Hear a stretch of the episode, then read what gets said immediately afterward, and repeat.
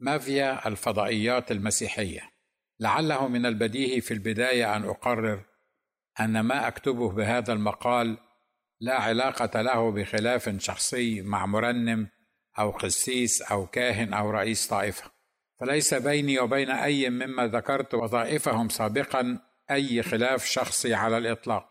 بل أكن للجميع كل احترام وتقدير ومحبة ويشهد الله عارف القلوب وعالم الأسرار وحده أنني أصلي بالليالي متضرعا لله لأجلهم جميعا ولأجل من يخالفونني منهم في الرأي أو من يهاجمونني بشكل أو بآخر بسبب ما أكتب عنهم ولهم. أصلي أن يكشف الله لي اولا ثم لهم عن الحقائق والأسباب والأرواح الشريرة التي تقود الحرب الروحية في السماويات ضدي وضدهم. ويلهمني وإياهم الحكمة والقوة على الوقوف ضد هذه الأرواح والانتصار عليها ودحضها ويهديني وإياهم سواء السبيل ويستخدمنا جميعا لمجد اسمه العظيم. وليس الهدف من هذا المقال هو الإساءة لأحد أو التشهير به أو التركيز على أعماله أو أقواله بل ما أنا إلا مناقش لمصيبة كبرى تمر بها الكنيسة المصرية والعربية الشرق أوسطية ألا وهي قضية خلط التبن مع الحنطة. المسيح مع بليعال الترنيم والمدائح الإنشاد الديني مع التسبيح للمسيح. والمنادات بوجود الصوفيه في المسيحية وإمكانية الوصول إلى الله بالبر الشخصي وهو ما يقولون أنه موازن لبر المسيح. وما أسماه البعض بلاهوت المحبة الحر واشتراك بعض الفضائيات المسيحية الشهيرة في إنتاج هذه الأفكار وتسجيلها وتسويقها للمشاهد المتحدث باللغة العربية الذي لا حول له ولا قوة في الوقوف أمام تيار هذه التعليم الغريبة عن المسيح والمسيحية ومقاومتها والوقوف ضدها. وما أكتبه ما هو إلا محاولة لتحذير العامة من المسيحيين من هذه التعاليم ومحاولة لعلاج الآثار المدمرة لمثل هذه الأفكار.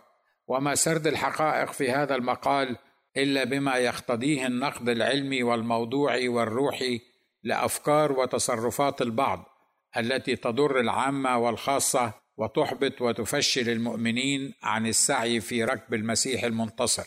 ومرة أخرى أقول إن الله وحده على ما أكتبه شهيد. الأمر البديهي الآخر هو أنه لابد لي في البداية أيضا أن أعرف كلمة مافيا الواردة في عنوان مقالي هذا مافيا الفضائيات المسيحية. والسبب في ذلك أن كلمة مافيا ليست كلمة عربية الأصل مع أنها مفهومة جدا لدى العرب أكثر من غيرهم في كل العالم. حتى في البلاد الأعجمية المشهورة والمليئة بوجود العدد الكبير من المافيا فيها. كأمريكا وإيطاليا والمكسيك واليابان والاتحاد السوفيتي. تلك البلاد التي بدأت وانطلقت منها عصابات المافيا إلى كل العالم. والسبب الثاني حتى نكون جميعا كاتب وقراء في اتفاق وعلى علم بالتعريفات الخاصة بكل محتويات عنوان هذا المقال وبالموضوع أو الجماعة التي يخصها هذا المقال. وأقصد وأصف وأتكلم بوضوح عن مافيا الفضائيات المسيحية. أما التعريف التاريخي والأكاديمي لكلمة مافيا فهو كيان منظم من أصحاب الجرائم الذين بدأوا وعرفوا اولا بين الإيطاليين من سيسيليا أولئك الذين جلبهم الأمريكان من إيطاليا ليعملوا الأرض في أمريكا. وسلبهم الأمريكان حقهم وأجرتهم مقابل خدمتهم. فكونوا الجماعات الخاصة والتي عرفت بالمافيا لاسترداد حقوقهم. ثم تحور تعريف المافيا وعملها إلى مجموعات منظمة تمارس الضغوط للحصول على شيء ما وخاصة الأموال من الناس بكل الطرق غير الشرعية المختلفة والتي تصل حتى إلى التهديد باستخدام السلاح وبعض الطرق الإجرامية الأخرى. وتتكون المافيا من مجموعة مغلقة من الأشخاص يجمعهم مجال أو عمل أو حقل نشاط واحد ويكون لهم تأثير محكم وسيطرة كاملة على أعضاء مجموعتهم الإجرامية وعلى العامة من خلق الله. ويعرف القانون الإيطالي في البند رقم 416 من قانون العقوبات المافيا بأنها الجماعة التي تستخدم وتحصل على مكاسبها الشخصية بالضغوط على أعضائها لارتكاب الجرائم بطريقة مباشرة أو غير مباشرة للتحكم في المعاملات المادية والحصول على تسهيلات أو موافقات أو مكاسب مادية أو خدمات بغرض المنفعة الذاتية لأنفسهم أو لآخرين. وحيث أن البعض سيرى هذا التعريف الأكاديمي لكلمة مافيا لا ينبغي أن ينطبق على بعض الفضائيات المسيحية مهما كانت درجة انحرافها عن الحق والحقيقة. لذا فإنني لابد أن أعترف وأقر ولا أنكر أن هناك القليل من الفضائيات المسيحية لا ينطبق عليها هذه التسمية. بل أغلبنا كمشاهدين يمكننا أن نشهد أنها تدار برجال الله القديسين المسوقين من الروح القدس. وأن أصحابها ومؤسسيها لا يبتغون إلا تمجيد المسيح وخلاص النفوس. وهذه القنوات القليلة لا يسيرها أو يتحكم في قراراتها أشخاص أقل ما يقال عنهم أنهم مرضى نفسيا أو روحيا أو كليهما. ولا يتحكم فيها كمية الدعم الذي يصلها من المتبرعين أو المتملقين وأصحاب المصالح. ولا يتحكم فيها غرور أصحابها أو مؤسسيها لسبب أو لآخر أو احتياجاتهم المادية والنفسية أو انفصالهم عن عالم الواقع المسيحي الذي نعيش فيه. ولا يتحكم فيها حتى جنان أصحابها وإهانتهم لكل من حولهم بحق أو بغير حق. ومع ذلك فهناك بعض الفضائيات المسيحية التي يظن أصحابها أنهم وصلوا إلى قمة الخبرة الروحية والإعلامية والفنية وأنهم أصبحوا مشاهير الإعلاميين العرب والدوليين وخاصة إذا كانوا يعتمدون على الأمريكان لا على العرب في تغطية احتياجات فضائياتهم.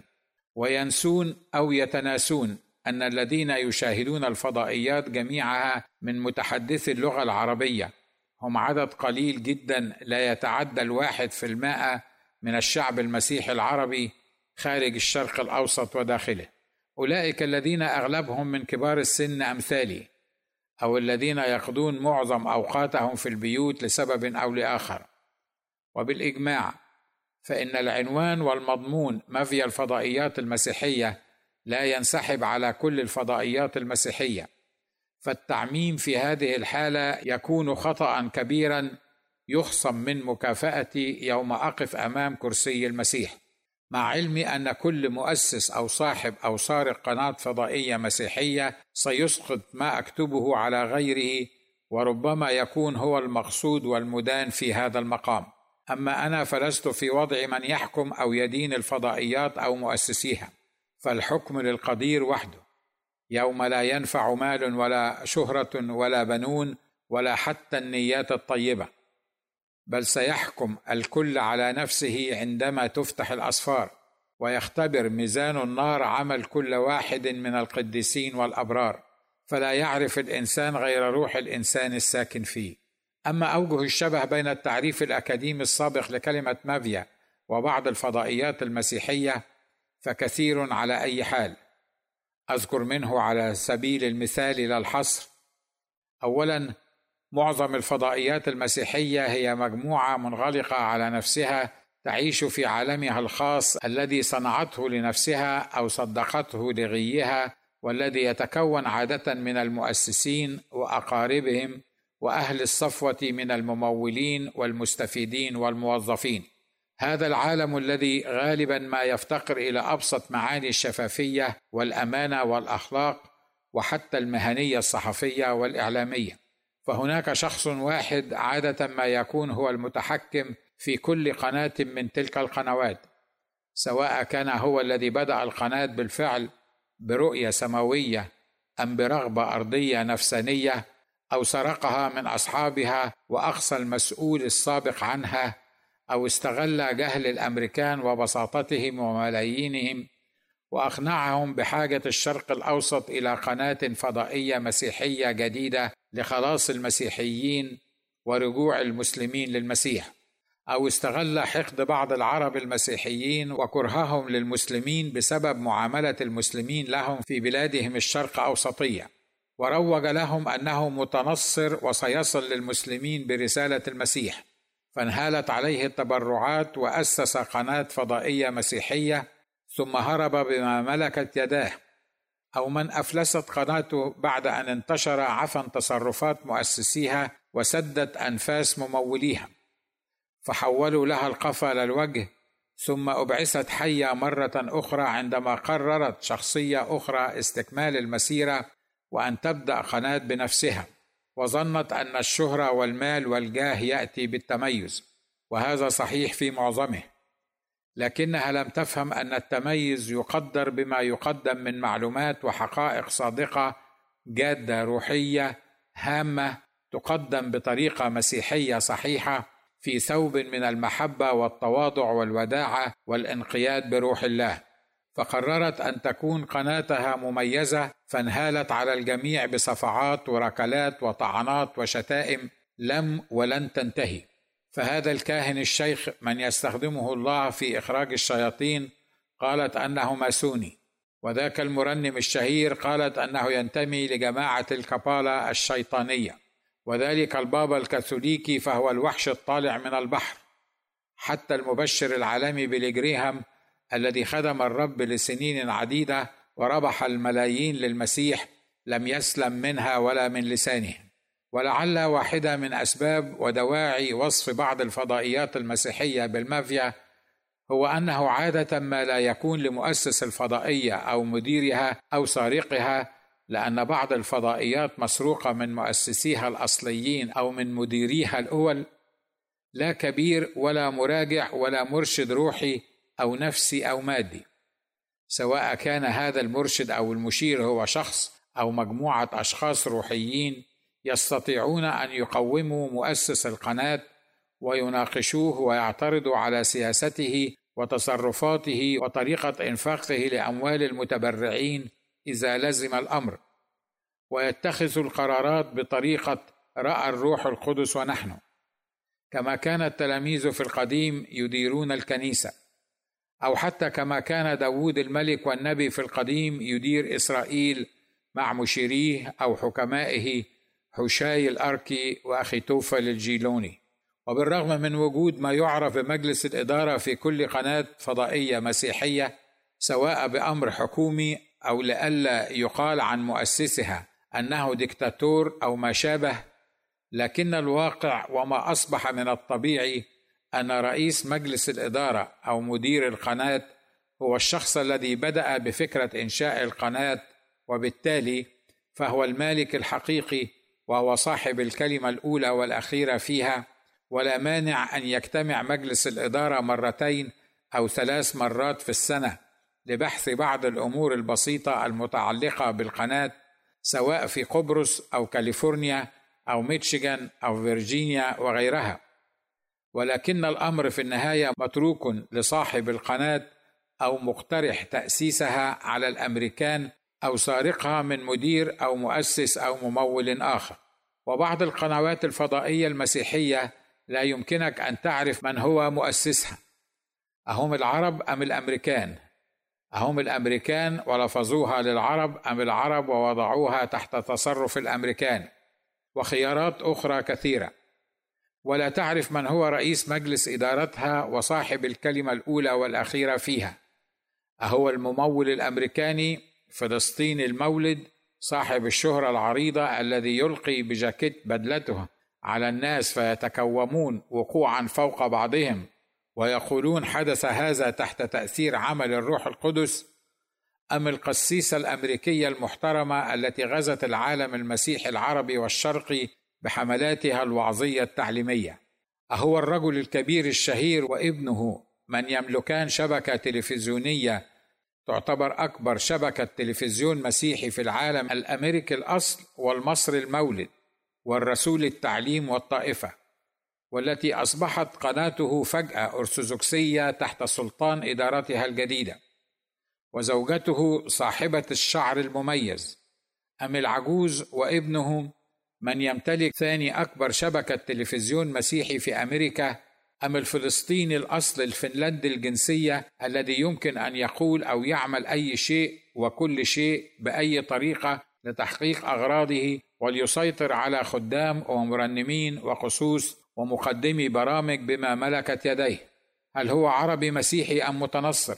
يختفي كل هؤلاء تماما كما يحرص أعضاء المافيا على إخفاء اسم الكبير أو الكبيرة التي أسست القناة. وعادة ما يطلقون عليه لقب الكبير أو المؤسس أو الرجل وكأن لا اسم له. وعند حدوث أي مشكلة يتصدر لك أحدهم بأنه المسؤول عن القناة وعندما يعجز عن حل المشكلة يقول لك المسؤولون في القناة يقولون أو المسؤولون قرروا. دون أن تعرف من هم المسؤولون الذين لا يتحركون أو يتخذون أي قرارات رادعه مصححة للانحرافات الموجودة بينهم.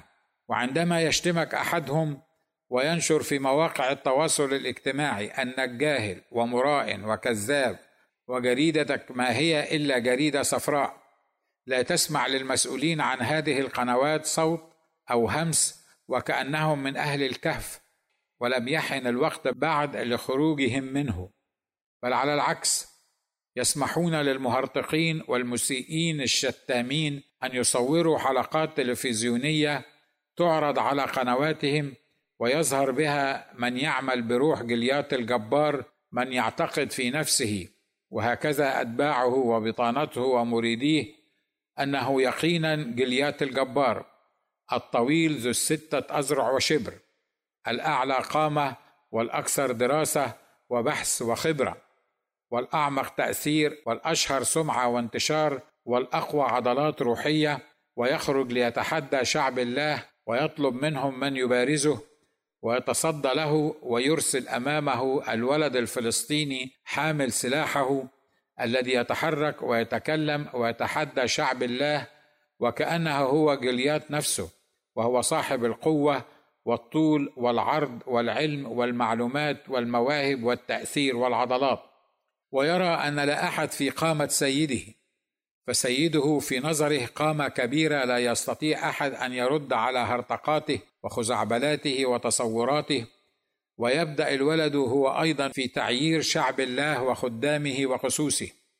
وهو في الحقيقة ليس إلا ببغاء يكرر كلام وتعبيرات وشتائم وألفاظ سيده. من ظن في نفسه أنه جليات ويتحدى شعب الله وهو لا يدري أنه ليس إلا حامل سلاح سيده. السلاح الأرض الجسدي الذي لا يمكنه أن يغلب به حتى صبي صغير. أشقر مع حلاوة العينين اتكل على إلهه ويأتي إليه لا بردود على تعييراته ولا بمناقشة لخزعبلاته ولا بكلام حكمة إنسانية مقنع ولا بسيف أو برمح بل باسم رب الجنود. صبي يحتمي في لاهوت المسيح ابن الله الوحيد الذي ليس بأحد غيره الخلاص وليس في لاهوت المحبة الحر أو ناسوت العداوة المر.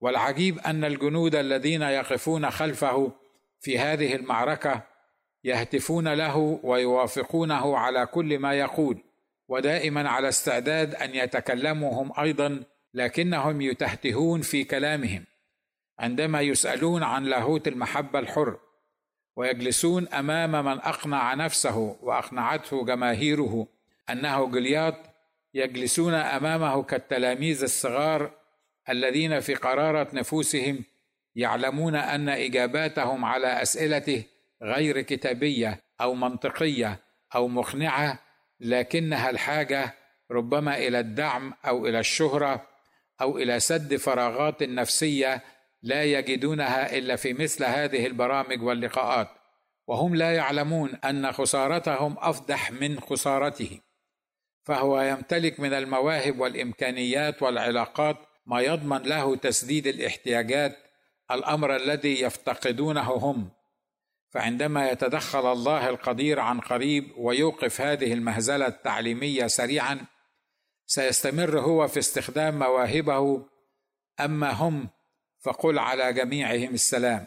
والعجيب أنه عندما ترد على التحديات والإهانات الموجهة لشعب الرب والاتهامات الموجهة إليك وتفضح أعمال الظلم غير المثمرة وتوبخها وتطالب بعدم خلط التبن مع الحنطة وترفض وضع تسابيح المسيح مع تواشيح بلعال وأن لا تضع اسم صاحب المولد بجوار اسم صاحب الميلاد أو إقامة سهرة رمضانية بعنوان نقوم ونبني في كنيسة إنجيلية مشيخية يحييها نجوم الفن الغنائي أحدهم مسلم موحد بالله والآخر مسيحي صوفي هائم في حب الله. وهو في الحضرة شايف واخد رايح لله في مرآة يا محلاه.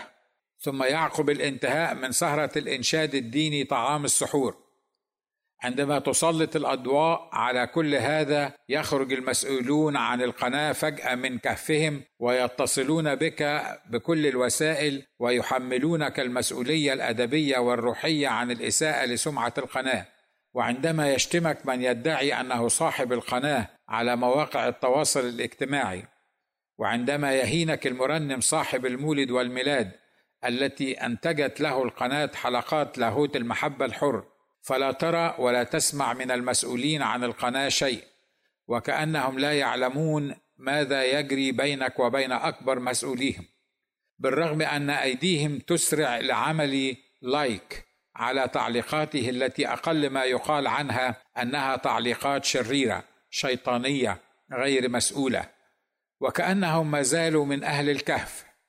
لكن عندما تفضح أعماله الشريرة حتى بكتابه تعليق على صفحتك بالفيسبوك يجري وراءك المسؤولون عن القناة ويتوسطون إليك بصديق عزيز محترم لكي ما يتصل بك ويطلب منك أن لا تذكر اسم القناة في تعليقاتك. ويحملونك من خلال عمل روح الغي والتدين والخوف المسؤولية الروحية لأن الناس ستقف ضد القناة وبالتالي ستهلك يا حرام النفوس البريئة التي مات المسيح لأجلها إن لم تسمع لقنواتهم.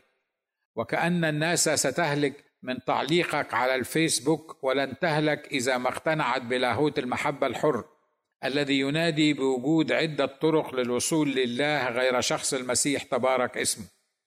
بواسطة ما أسموه البر العام وهو طريق موازن لبر المسيح للذين لم يسمعوا عن بر المسيح. ثم يحاولون استخدام أساليب روح التدين والكذب والغي الذي يشوه الخادم ويصفه بالجهل علنا في الحلقات التلفزيونية ووسائل التواصل الاجتماعي. وفي نفس الوقت يطلب منه أعضاء مجلس إدارة القناة السكوت وعدم الدفاع عن النفس أو إظهار الحقائق أو الوقوف أمام الهرطقات. أليست هذه الأمور الحادثة منهم هي نفس الأمور التي تعملها عصابات المافيا المختلفة في كل العالم؟ ألا ينطبق عليها بين المسيحيين صفة مافيا الفضائيات المسيحية؟ والأسئلة التي تطرح نفسها في هذه الأيام من هو الشخص الذي اقترح ورتب وأنفق على إنتاج مثل هذه الحلقات؟ وأين كان المسؤولون عن القناة أو القنوات عند اتخاذ قرار إنتاج حلقات لاهوت المحبة الحر؟ من مول هذه الحلقات وكم من آلاف الدولارات أنفقت عليها. ثم من أين جاءت هذه الأموال؟ هل من المشاهدين العرب الذين بعضهم من المحتاجين إلى القوت الضروري وقد اقتطعوا من أموالهم حتى يتبرعوا بها للقنوات المنتجة ليعرف الخطاة طريق المسيح الواحد وليدخلوا إلى الحياة الأبدية السعيدة؟ أم دفعوها ليقال للمشاهدين أن هناك طرقا كثيرة للوصول إلى المسيح عن طريق ما يسمى بلاهوت المحبة الحر وأن هناك صوفية في المسيحية. أليس هذا ظلما وخيانة وسرقه علنيه مقنعة من الممولين الغلابة المخلصين أو الأمريكان المغرضين المغيبين الذين لا يعرفون شيئا عن المادة الروحية المسجلة باللغة العربية في استديوهاتهم؟ والمنتجة بدولاراتهم الكثيرة التي يغدقونها على القنوات الفضائية المبثة من أمريكا وأستراليا وقبرص ولبنان. فمن الواضح أن القناتين اللتين تبثان مثل هذه البرامج وحفلات الإنشاد الديني حصريا هما القناتان اللتان لا تقومان بعملية الجمع المالي السنوي من المشاهدين لتدعيم قناتيهما. ولذلك فهما لا يعتمدان على المشاهدين العرب في إنتاج برامجهما بل على الأمريكان والجنسيات الأخرى. فهل عدم الجمع المالي من المشاهدين العرب كاف بأن يجعلهما يبثان سموما بدعوى مد الجسور مع المسلمين ويقحمان لاهوت المحبة الحر وحفلات المولد والميلاد وإنشاد علي الحجار الديني على المشاهدين في بيوتهم؟ وينفقان الآلاف من الدولارات في إنتاج مثل هذه البرامج. ثم هل هناك سياسة محددة واضحة مكتوبة يمكن للمشاهد والمتبرع أن يطلع عليها لهذه القنوات؟ سياسة تحدد صفات وخصائص ما يسمح به للتسجيل أو العرض أم أن سياستها كما هو الحال مع أغلب القنوات الفضائية هي ما يطلبه المستمعون ويصفق له المشاهدون؟ ويأمر به الممولون أو ما يأمر به مؤسس القناة أو سارقها فهو من يجول البر والبحر في رحلات عمل ترفيهية ليجمع الأموال من المتبرعين المساكين أو المغيبين. هذا ما يسمح بإنتاجه وعرضه لا ما يأمر به الروح القدس الأمين. من المنتجين لمثل هذا البرنامج المهين والمشين لرب العالمين. أليس من حق المتبرعين أن يحصلوا على إجابات لكل هذه الأسئلة؟ ثم ما دامت القناة قد سمحت لنفسها أن تنتج مثل هذه البرامج المشبوهة والمليئة بكل أنواع المغالطات والتشويش في سرد المعلومات. فلماذا لا تقبل النقد والنقاش حولها وسماع الرأي والرأي الآخر؟ ولماذا يثور مسجلوها ومدعموها ومبثوها ويهاجمون ويشتمون في القنوات المسيحية الأخرى ويتطاولون على مقدمي البرامج الذين يخالفونهم في الرأي ويناقشون مثل هذه الخزعبلات بمنطق وأدب ومحبة دون الإساءة لمنشئ أو مذيع أو قناة. أهو محلل لأشخاص ولقنوات بعينها لأن لسان حالها يقول أنا غني وقد استغنيت ولا حاجة لي إلى شيء ومحرم على أشخاص وقنوات أخر وخير دليل على ما أقول هو أنه عندما كتب مؤسس ورئيس تحرير الجريدة المسيحية الورقية الوحيدة بين المتحدثين بالعربية في الشرق الأوسط من نقد لمثل هذه البرامج الهدامه أو الحفلات إياها أو التعاليم الشيطانية أو التواشيح الدينية سمح كبير المسؤولين عن القناة لنفسه أن يصف الجريدة على مواقع التواصل الاجتماعي بأنها جريدة صفراء. وإذا كتب قسيس تعليق ينتقد فيه هذه البرامج أو المقالات شتموه واتهموه بزواج المطلقين والمطلقات والجهل العلمي والروحي. وحتى إذا أوضح وابدى أحد رأيه في الصوفية المسيحية أو لاهوت المحبة الحر حتى لو كان من الخدام والعاملين بإحدى هذه الفضائيات التي تعرض هذه الحلقات حتى مع كونه أعمقهم ايمانا وأفضلهم اخلاقا وأغزرهم علما وأكثرهم شهرة وأقواهم تاثيرا وكتب مقالة وافية كافية بالأدلة والبراهين خالية من الشتائم والإهانات والاتهامات كتبها على صفحته. وضع له التقي الصوفي صاحب المولد والميلاد وخالط التبن مع الحنطة على صفحته في رده على أحد المعلقين. على المقال صورة حمار يرفس. وهي الصورة التي اخترت لأضعها في رأس هذا المقال. ولم ينسى ولم يتورع أن يكتب ويؤكد في تعليقه أن الصورة هي لحمار وليس لفرس. فلم يعد هناك فرسان اليوم على حد قوله. بل يا صديقي كلنا دونه حمير. و و و. وبالرغم من كل هذا القليل الذي ذكرته من الكثير الذي يعف قلمي عن كتابته لم يتحرك المسؤولون عن القناة للاعتذار عما صدر من مؤسسيها لا لمن أساء إليه مؤسس القناة ولا لمن تبنته القناة وانتجت له مثل هذه البرامج.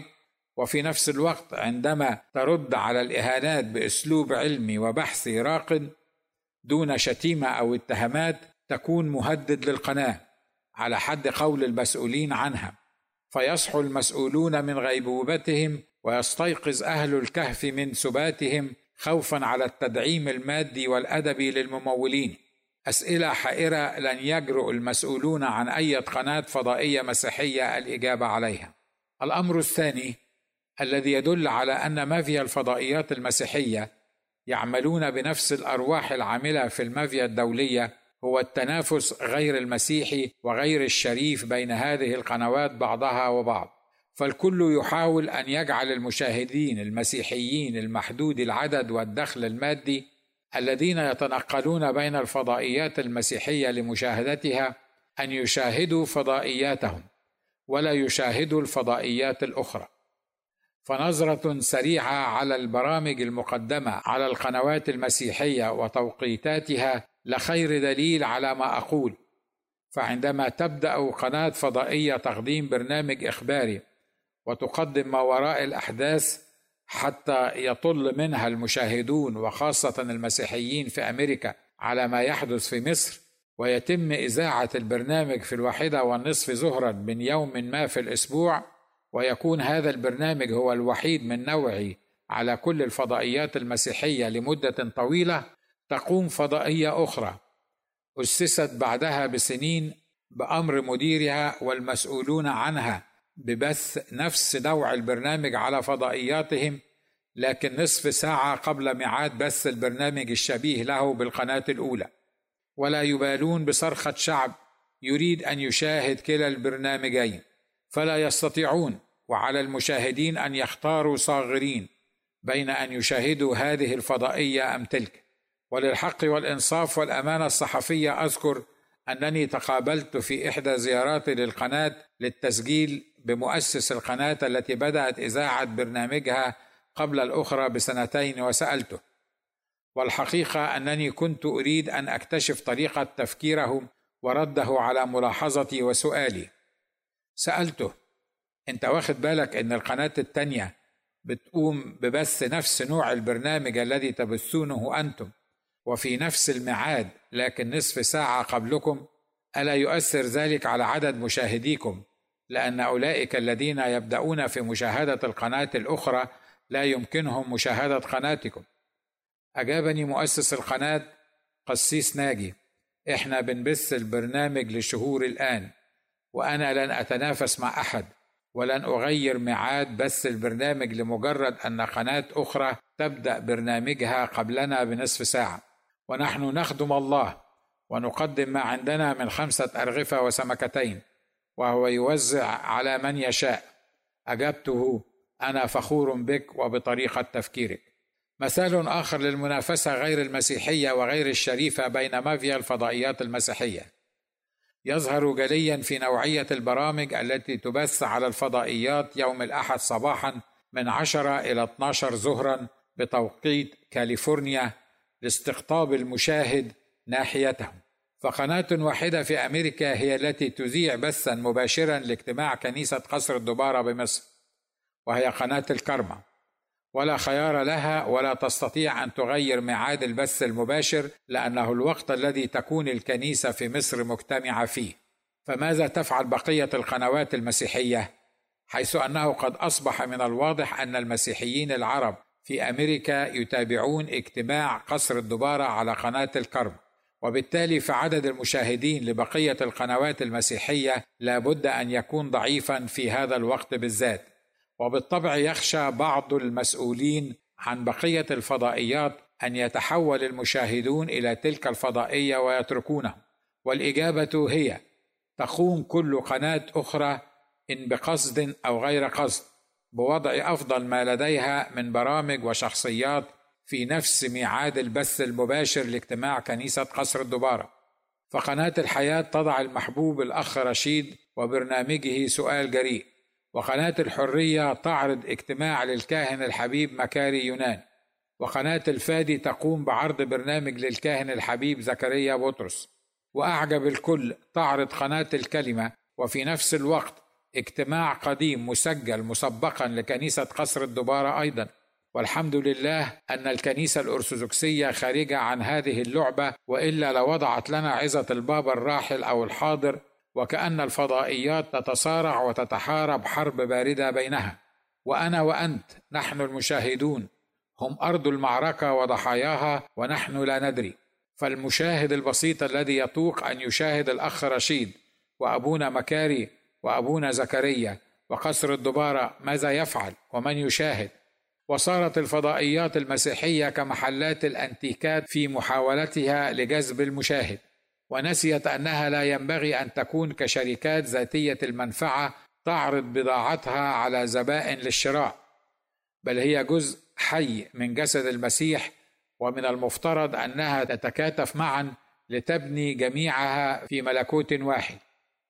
ويكون الشاهد لها هو بيت القصيد وليس الفضائية نفسها. أما دخلها المادي والروحي بالكامل ينبغي أن يوضع عند أرجل السيد المسيح الواحد الذي هو سبب وجود هذه الفضائيات جميعا وهو الذي يوزع دخل وثمار هذه القنوات مجتمعة على كل منهم بحسب غناه في المجد. الأمر الثالث هو الأمر الوحيد الذي كنت أتمنى أن تمارسه مافيا الفضائيات المسيحية بنفس الطريقة التي تمارسه بها الفضائيات غير المسيحية أو حتى المافيا العالمية. ألا وهو الحرفية في إداء العمل والعمل على رفع مستوى المذيعين والمذيعات ومقدمي البرامج المسيحية التلفزيونية والحكم على الأحداث واختيار ما يقدم للمستمع أي المستهلك من مادة روحية وعلمية وثقافية. وهذا ما تفتقر إليه الغالبية العظمى من الفضائيات المسيحية جميعها تقريبا. فمن ناحية الحرفية في أداء العمل ومستوى مقدمي البرامج العلمي والثقافي لا تجد أكثر من واحد أو اثنين من مقدمي البرامج على الأكثر في كل قناة هم العماد والسبب الذي لأجله يشاهد الناس الفضائية من أصله. وأترك لك عزيزي القارئ إن كنت ممن يشاهدون القنوات الفضائية المسيحية أن تراجع في عقلك أسماء الفضائيات وتفكر في أسماء مقدمي البرامج بكل منها. أولئك الذين إذا غابوا وتركوا القناة لانهارت في الحال. فكثير من مقدمي البرامج تكتشف وأنت على الهواء معهم أنهم غير فاهمين كل أبعاد الموضوع الذين يسألونك فيه. والغالبية العظمى من مقدمي البرامج يختارون ضيوف حلقاتهم من أولئك الذين يتفقون معهم في الرأي فقط ويلقنونهم قبل دخولهم الحلقة ماذا يجيبون على هذا السؤال أو ذاك. وإذا خرج الضيف عن النص المكتوب له يضرب المضيف أخماس في أسداس ويرتبك أمام المشاهدين. ولذا فالغالبية العظمى من البرامج التي تذاع مباشرة على الفضائيات المسيحية تكون مملة سخيفة تزيد من إحباط المشاهد وتشعره بالسطحية والاكتئاب وضياع الوقت. وبعض البرامج التي تلقي الضوء على ما وراء الأحداث في الشرق الأوسط والتي يذاع برامجها على كل المتحدثين بالعربية في كل البلاد المختلفة تبدو وكأن العالم بالنسبة لمقدميها ومعديها ليس أكثر من مصر فليس هناك عراق أو كويت أو ليبيا أو سعودية هناك مصر وحدها. فالمراجعة للصحف الصادرة في مصر والسيسي هو من يأخذ نصيب الأسد في كل حلقة. وحالات الاضطهاد التي تحدث في مصر يتم التواصل مع الأهل والأقارب وكأن بقية الوطن العربي لا اضطهاد فيه. ثم انحياز مقدم البرنامج الصارخ مع أو ضد رئيس بعينه أو قطر بذاته أو قضية بالتحديد والحكم على الأمور بالعواطف لا بالعقل والمنطق. ألا يتعارض هذا مع الحرفية والأمانة الصحفية والإعلامية؟ ألا يدل هذا الأمر على عدم الحرفية لدى الفضائيات المسيحية؟ أما الأمر الرابع هو أنه في كثير من الفضائيات المسيحية تعمل مجموعة الأرواح الشريرة من كذب وغي ومحاباة للتحكم فيما تقدمه الفضائية المسيحية لجمهور المسيحيين سواء من مادة روحية أو أشخاص تمنح لهم امتيازات خاصة وتعرض برامجهم في كل القنوات الإنجيلية تقريبا والتي يغض أصحابها والمتحكمون فيها النظر عن تعاليمهم وفي بعض الأوقات تخاريفهم ورسائلهم التي يرسلونها عبر قنواتهم إلى المشاهدين. فعندما يخرج أحدهم ويكلمنا عن اضطهاد الانجيليين للأرثوذكس المصريين وعلينا كانجيليين أن نتوب وأن نعتذر للأرثوذكس بسبب اضطهادنا لهم الأمر الذي لا يعترف به حتى الأرثوذكس أنفسهم. وعندما يعلمنا أحدهم أن الله لا يترك نفسه بلا شاهد فلذا جسد القديس شربل كان ينضح ماء ودم بعد دفنه بسنتين. وعندما يعلمنا أحدهم أن هناك طرقا كثيرة لله غير طريق المسيح الذي ينادي به المسيحيون وأن هناك صوفية في المسيحية وأن أيوب كان صوفيا وعندما يطلب أحدهم من القديسه العذراء مريم الظهور فوق كل كنيسة إنجيلية وعندما يخرج على إحدى القنوات المسيحية القس الفلسطيني الأم والإيطالي الأب الذي كان عمدة رام الله في وقت من الأوقات من ولد في فلسطين ويتكلم اللغة العربية بطلاقة حيث أنه عاش سنوات كثيرة من عمره في يافا فلسطين قبل أن يرحل إلى كندا ثم أمريكا ولا زالت والدته حتى يومنا هذا وهي سيدة تقية فاضله تتكلم العربية فقط ولا شيء غير العربية. ثم يتصنع عدم قدرته على الحديث باللغة العربية ويخفي الجانب الفلسطيني من لغته وهويته عمدا ويظهر فقط الجنسية الإسرائيلية التي يحملها كواحد من عرب 48 أو الجنسية الأمريكية حتى لا يخسر أموال معضديه من الأمريكان إذا ما عرفوا أنه من أصل عربي. ويحكي هذا القسيس ويترجم له صاحب القناة ما أسماه باختبار العناية الإلهية به وكيف أن الله اعتنى به عندما طلق امرأته بالرغم من شهادته هو نفسه ومن حوله بأنها امرأة فاضلة وقد كلفه طلاقها 800 ألف دولار. ثم ردها مرة أخرى. لكنه خسر ما يقرب من مليون دولار في ردها. ويعمل هذا القس من ضياع مليون دولار من أموال المغيبين المتبرعين في قصة طلاق زوجته اختبارا ويقوم مؤسس الفضائية المسيحية بالترجمة له للعربية. ويبلع المشاهدون الطعم ويصفقون للمطلق ولصاحب القناة. كنت أسأل نفسي بينما كنت أسمع قصة هذا القسيس منه شخصيا. ما الذي سيستفيده المشاهدون مما أسماه هذا القديس اختبارا؟ كيف سمح لنفسه أن يطلق امرأته لغير علة الزنا؟ من أين أتى بالمليون دولار التي أنفقها على عملية طلاق زوجته ثم ردها؟ فهو لا يعمل شيئا آخر سوى أن يكون قسا. فهل دفع هذا المبلغ الضخم من فلوس الخدمة وعمل الرب؟ واية عنايه إلهية هذه التي يتحدث عنها التي سمحت له بطلاقها. وكيف ولماذا تركه صاحب القناة الفضائية المسيحية يحكي مثل هذا الاختبار؟ ألا يدل كل هذا على سيطرة روح الكذب والغش والغي على الكثير من الفضائيات المسيحية؟ خامسا ولعل آخر ما أشير إليه في هذا المقال هو التشابه بين طريقة استحواذ المافيا العالمية على ممتلكات الناس وخاصة نقودهم وبين حصول بعض الفضائيات على ممتلكات الناس وخاصة نقودهم فكلا الطرفين يضغطان على ضحاياهم حتى يحصلوا منهم على شيء أي شيء. فالمافيا العالمية تحصل على ما تريد إما بالمكر والدهاء أو بالكذب والغش أو بتهديد السلاح الحديدي. ولكن مافيا الفضائيات المسيحية يحصلون على ما يريدون بالاستخدام الخاطئ للسلاح الحي أي كلمة الله الحية والفعالة والأمضى من كل سيف ذي حدين. فيهددون الناس بالآيات الكتابية ويحملونهم بعقد الذنب ويتهمونهم بالتقصير في تدعيم جسد المسيح والويل لهم إن لم يتبرعوا لأنهم سيصفونهم بكل الصفات غير الكتابية. فمع أني مع إعلان حاجة الفضائيات عن احتياجهم للدعم المادي وتشجيعي لأعضاء كنيستي وللمشاهدين للتبرع لبعض القنوات الفضائية إلا أنني أكره أن يحمل المسؤولون عن الفضائيات المشاهدين ذنب إيقاف البث فيلعبون بكرت غلق القناة إن لم تتبرعوا لأننا مديونون بمبلغ كبير وإن لم ترسل تقدمتك اليوم سيقف البث المباشر عن قناتنا. إن القناة التي تعتمد على المتبرعين في استمرار خدمتها أو توقفها لا تستحق أن تشاهد فهي قناة جسدية مادية لا يؤتمن المسؤولون عنها على تقديم مادة روحية جادة مغيرة للمشاهدين. لكن الفضائية التي تعتمد وتستند على ذراع حبيبها وسيدها فقط فهي التي توصف بأنها جميلة كالقمر طاهرة كالشمس مرهبة كجيش بألوية. وهي التي تستحق أن يدعمها كل المؤمنين ببشارة المسيح.